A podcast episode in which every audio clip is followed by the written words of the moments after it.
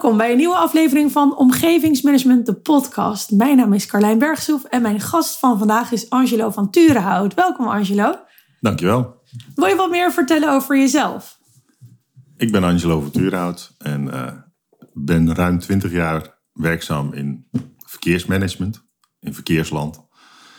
En ik heb altijd de vrijheid gekregen om leuke dingen erbij te doen. Of zelfs verkeersmanagement leuk te maken. Zo heb ik het zelf altijd ervaren. En uh, vandaar dat ik ook alle creativiteit uh, erin kan gooien. En dat is niet wat je verwacht van verkeersmanagement.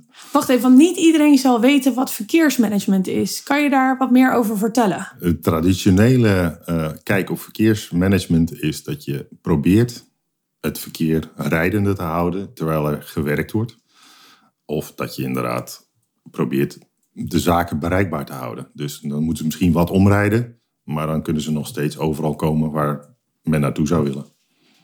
En dat kun je in managen. Dat heet verkeersmanagement. Ja, want uh, we hadden het in de voorbereiding van het gesprek erover. En toen zei je van, goh, met goed uh, verkeersmanagement kun je de omgeving gericht en uh, specifiek voeden met informatie. Ja, je kunt door gericht en specifiek informatie te versturen, mensen bewegen andere routes te rijden, beter geïnformeerd op weg te gaan. Er is niks zo vervelend wat je uit omgevingsmanagement weet, is dat mensen niet geïnformeerd zijn over wat er voor hun deur staat. Ja, onverwachte hinder. Onverwachte hinder is de meest irritante die je kunt verzinnen. Ja, dat klopt. ja. Maar we zijn altijd geneigd van, joh, we pakken een krant of een, uh, doen een advertentie hier of we doen een advertentie daar en dan uh, weet iedereen het. Maar zo werkt het niet, want niet iedereen heeft een krant, niet iedereen leest de borden, niet iedereen lees het suffertje of uh, het, het, briefje wat in de bus valt, dat soort dingen. Dus je bent op zoek naar steeds meer manieren om mensen te bereiken en nog steeds op een persoonlijke manier.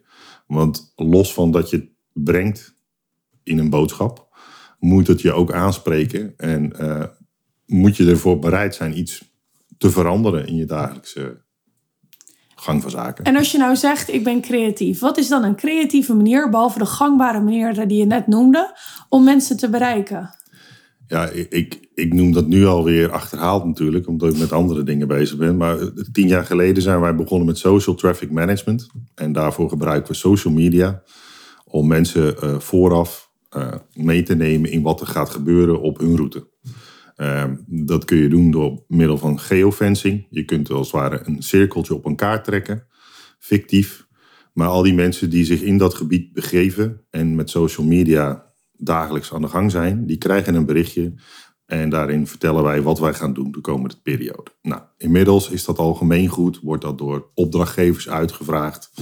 En zie je dat steeds meer mensen ook vertrouwd raken met social media. En waar we vooral op focussen, dat is de verdiepingsslag, is dat de boodschap, waar ik het net al over had, die moet je aanspreken. Daar moet je wat, nou, moet je, moet je wat mee voelen. We hebben gemerkt dat bijvoorbeeld uh, plaatjes en vooral bewegende beelden veel meer effect behalen om je boodschap over te brengen dan een lab tekst. Is dat omdat mensen weinig tijd hebben, omdat ze visueel ingesteld zijn? Vooral dat laatste. Mensen, mensen zijn visueel ingesteld. En uh, het hele medium, social media, is gericht op heel kort en bondig. Dus het is inderdaad een uh, drie, vier seconden dat mensen hun aandacht hebben bij een bericht.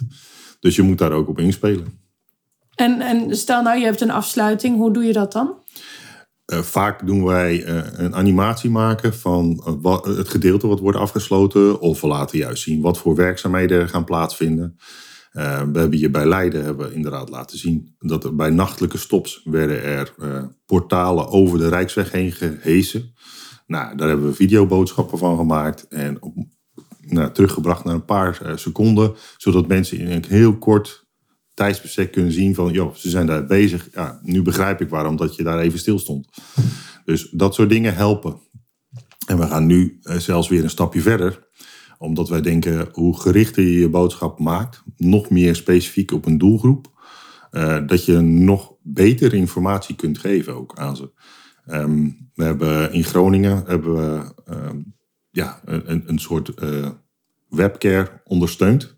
Dus we hebben social media ingezet om mensen in te lichten over wat er gaat gebeuren. Maar daar gaven we, gaven we ook inderdaad een, uh, ruimte dat mensen inderdaad vragen konden stellen. Of dat ze inderdaad konden reageren. Ja. En in een weekend hebben we iets van uh, 7000 vragen gehad. Want Wow. blijk- blijkbaar is dan toch nog niet alles duidelijk. Dus Ja. je bent heel goed aan het zenden. Maar dan zie je toch dat er nog wat vragen zijn. En die vragen zijn dan vaak specifiek. Eh, dus Dus het is dat- niet zo dat mensen dan niet goed hebben gelezen of zo. nou, het is voor hun, hun specifieke situatie niet duidelijk. Ehm. In Groningen was het de bedoeling dat er zoveel mogelijk mensen inderdaad een ander type vervoer zouden nemen. En dat was ook de boodschap. Dat is heel goed. Maar eh, er zaten twee ziekenhuizen in het gebied. En die ziekenhuizen, die, ja, mensen kwamen vanuit de regio naar dat ziekenhuis. En eh, wij kregen specifieke vragen over, ja, maar hoe kom ik dan bij dat ziekenhuis? En als wij dan aan hun voorstelden, ga met een trein of met een bus, dan kregen we vaak de reactie, ja, maar ik ben ziek. En Ja. ik, ik kan niet zomaar even met openbaar vervoer en even Nee. met de trein. Dat is voor mij een enorme opgave. Sommigen hadden zelfs speciaal vervoer. Dus je ziet dat op het moment dat je ook die terugkoppeling direct terugkrijgt, kun je daar weer op anticiperen. Kun je specifiek voor die groep bijvoorbeeld aangeven, nou, zo en zo kunt u rijden om alsnog inderdaad bij het ziekenhuis te komen. Dus je, je maakt het pas op de doelgroep. En dan volgens mij, ik kan me voorstellen dat je daar dan ook de communicatiekanalen van het ziekenhuis nog in gebruikt. Die hebben, als die zelf inderdaad ook media gebruiken, kun je die daar ook voor inzetten. En dat is, ja, dat noemen ze dan narrowcasting. Het, feit dat ze binnen hun gebied of binnen hun gebouw vaak ook al dingen eh, vertellen. De mensen komen daar vaak voor eh nou, herhaalafspraken. Dan worden ze ook al van tevoren ingelicht. Dat soort zaken kun je inzetten. Ja, want ik heb het idee dat je, om effectief te zijn, dat het ook goed is als je aansluit bij bestaande kanalen die er al zijn, die vertrouwd zijn voor de mensen. Dat klopt. Ja, ja dat is het meest effectief. Waarom moet je het wiel gaan uitvinden als Nou, het al rijdt? Liefst niet, toch? Ik heb wel eens gehoord dat de meest luie mensen, dat dat ICT'ers zijn. Want die willen alles zoveel mogelijk automatiseren. En eh, dat daar heel veel vooruitgang aan te wijten is, aan luie mensen. Ik, ja, ik, ik zie mezelf niet als lui, maar... Ik, Oh, dat, dat, dat impliceerde ik eh, absoluut niet. eh. Nee, maar ik, ik kan me wel voorstellen... eh, ik heb wel altijd het idee dat dingen makkelijker of beter kunnen. En, ehm, dan wat het, de huidige situatie is. Ik ben altijd op zoek naar wat kan er nou beter? Hoe kunnen we beter belangen afwegen? Hoe kunnen we beter communiceren? Hoe kunnen we beter in de omgeving dingen kwijt? Ehm, en dan kan ICT kan daar een rol in spelen. Ja, Dat hoeft niet. want smart mobility, dat is natuurlijk helemaal eh, van deze tijd. eh. Ja, smart mobility. En jij bedoelt dan op... Nou, wat ik, je had het net even over geofencing, maar wat ik bijvoorbeeld ook in projecten heb gebruikt, is dan bijvoorbeeld eh, Google Maps, daar Ja. aanpassingen in doorvoeren.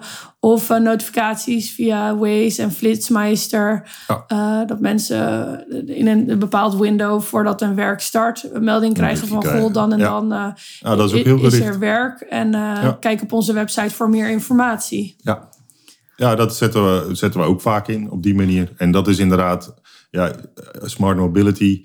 eh, ik ga er dan nog een stap verder in. eh, maar dat komt, Smarter.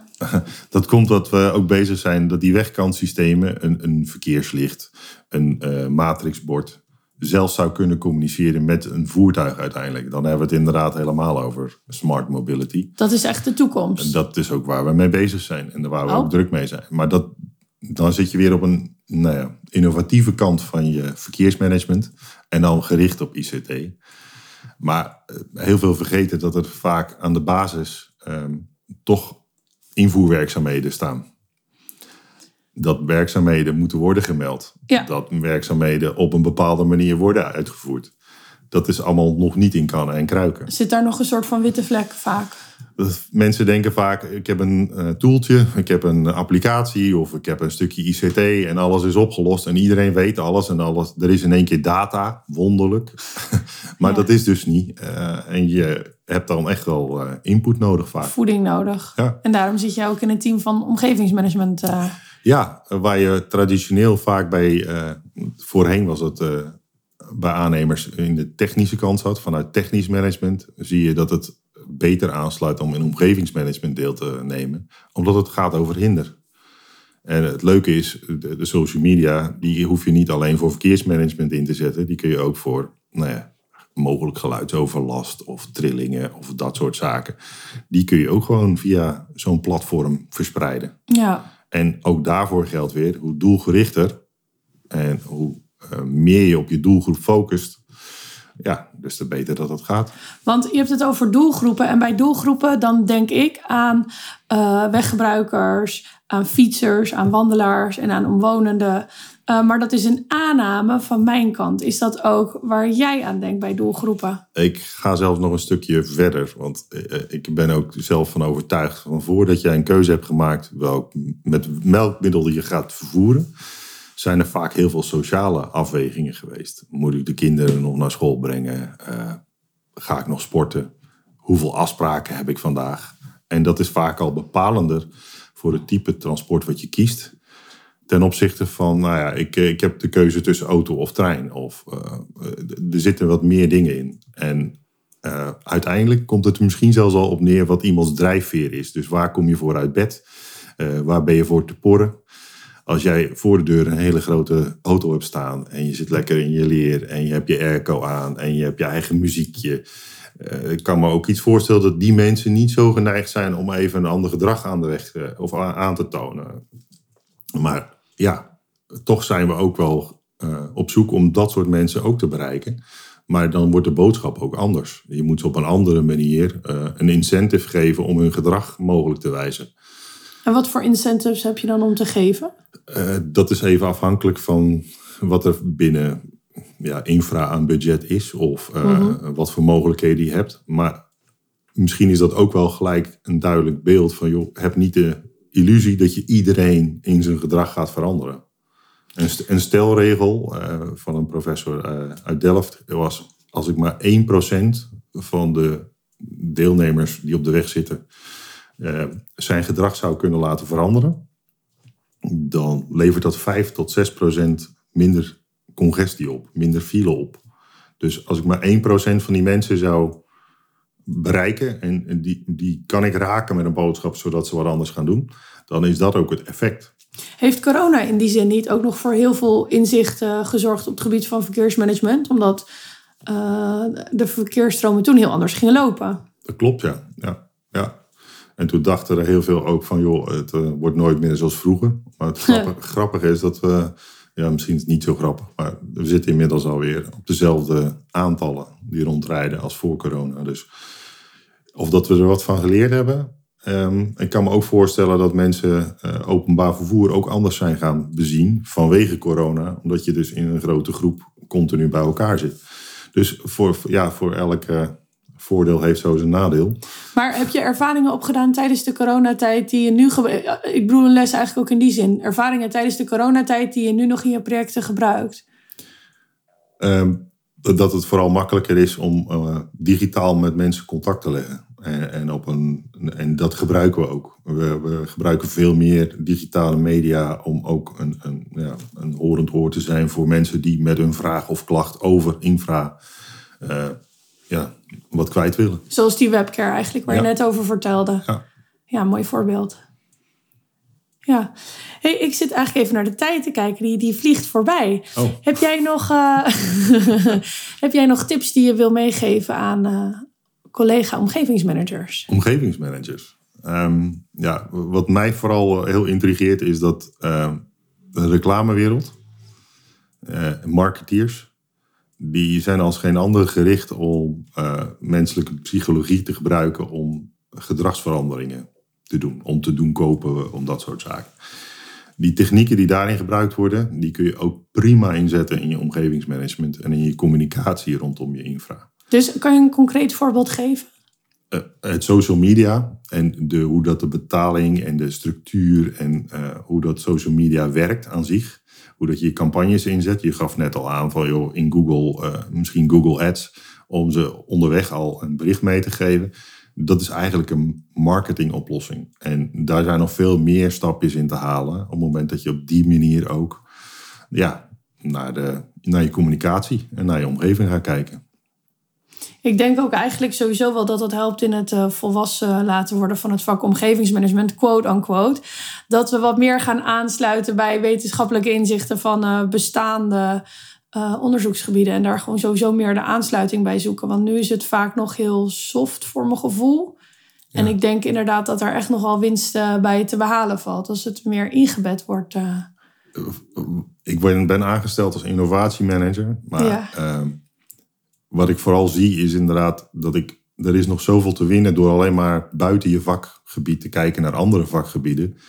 Waar eh, nou ja, dezelfde problematiek speelt of dezelfde methodieken worden ingezet. Ja, passen aan naar wat je nodig hebt. En eh, je, je hebt eigenlijk iets innovatiefs. Buiten je eigen markt kijken is soms al innovatief genoeg. Nou, misschien maken we daar dan eh, gelijk vandaag op deze manier een eh, mooie aanzet mee door eh, kijk in jouw vakgebied te nemen. Wat wel onderdeel is van omgevingsmanagement, maar wat denk ik toch ook alweer een ver van mijn bedshow is voor veel omgevingsmanagers. Omdat verkeersmanagement, dat huur je in als, als onderdeel. Ja. Maar eh, Het wordt vaak gezien als cijfertjes. Hoeveel voertuigen gaan er linksom, rechtsom? En waar blijven ze? En hoe, ze- hoe stuur ik ze? ja, en dat maar er is zijn nog geen veel meer. onderzoeken waar ik nou heel veel energie van krijg per nee. se. Maar als je dat goed doet, dan geloof ik wel echt dat je eh, vooral in je publiekscommunicatie heel veel winst kan boeken. Ja, Voor de weggebruikers. Angelo, ik wil je heel graag bedanken voor je tijd en eh, voor je uitleg en je toelichting en hoe dat allemaal werkt. Hartstikke leuk om te horen. Dank je wel. Graag gedaan. Nou ja, en mocht je het leuk vinden om meer te leren over omgevingsmanagement, op 15 november geef ik de eerstvolgende cursus in Haarzuilens. Vond je het leuk om daar meer over te leren en te lezen? Kijk dan op www.onbeperktomgevingsmanagement.nl. Bedankt voor het luisteren.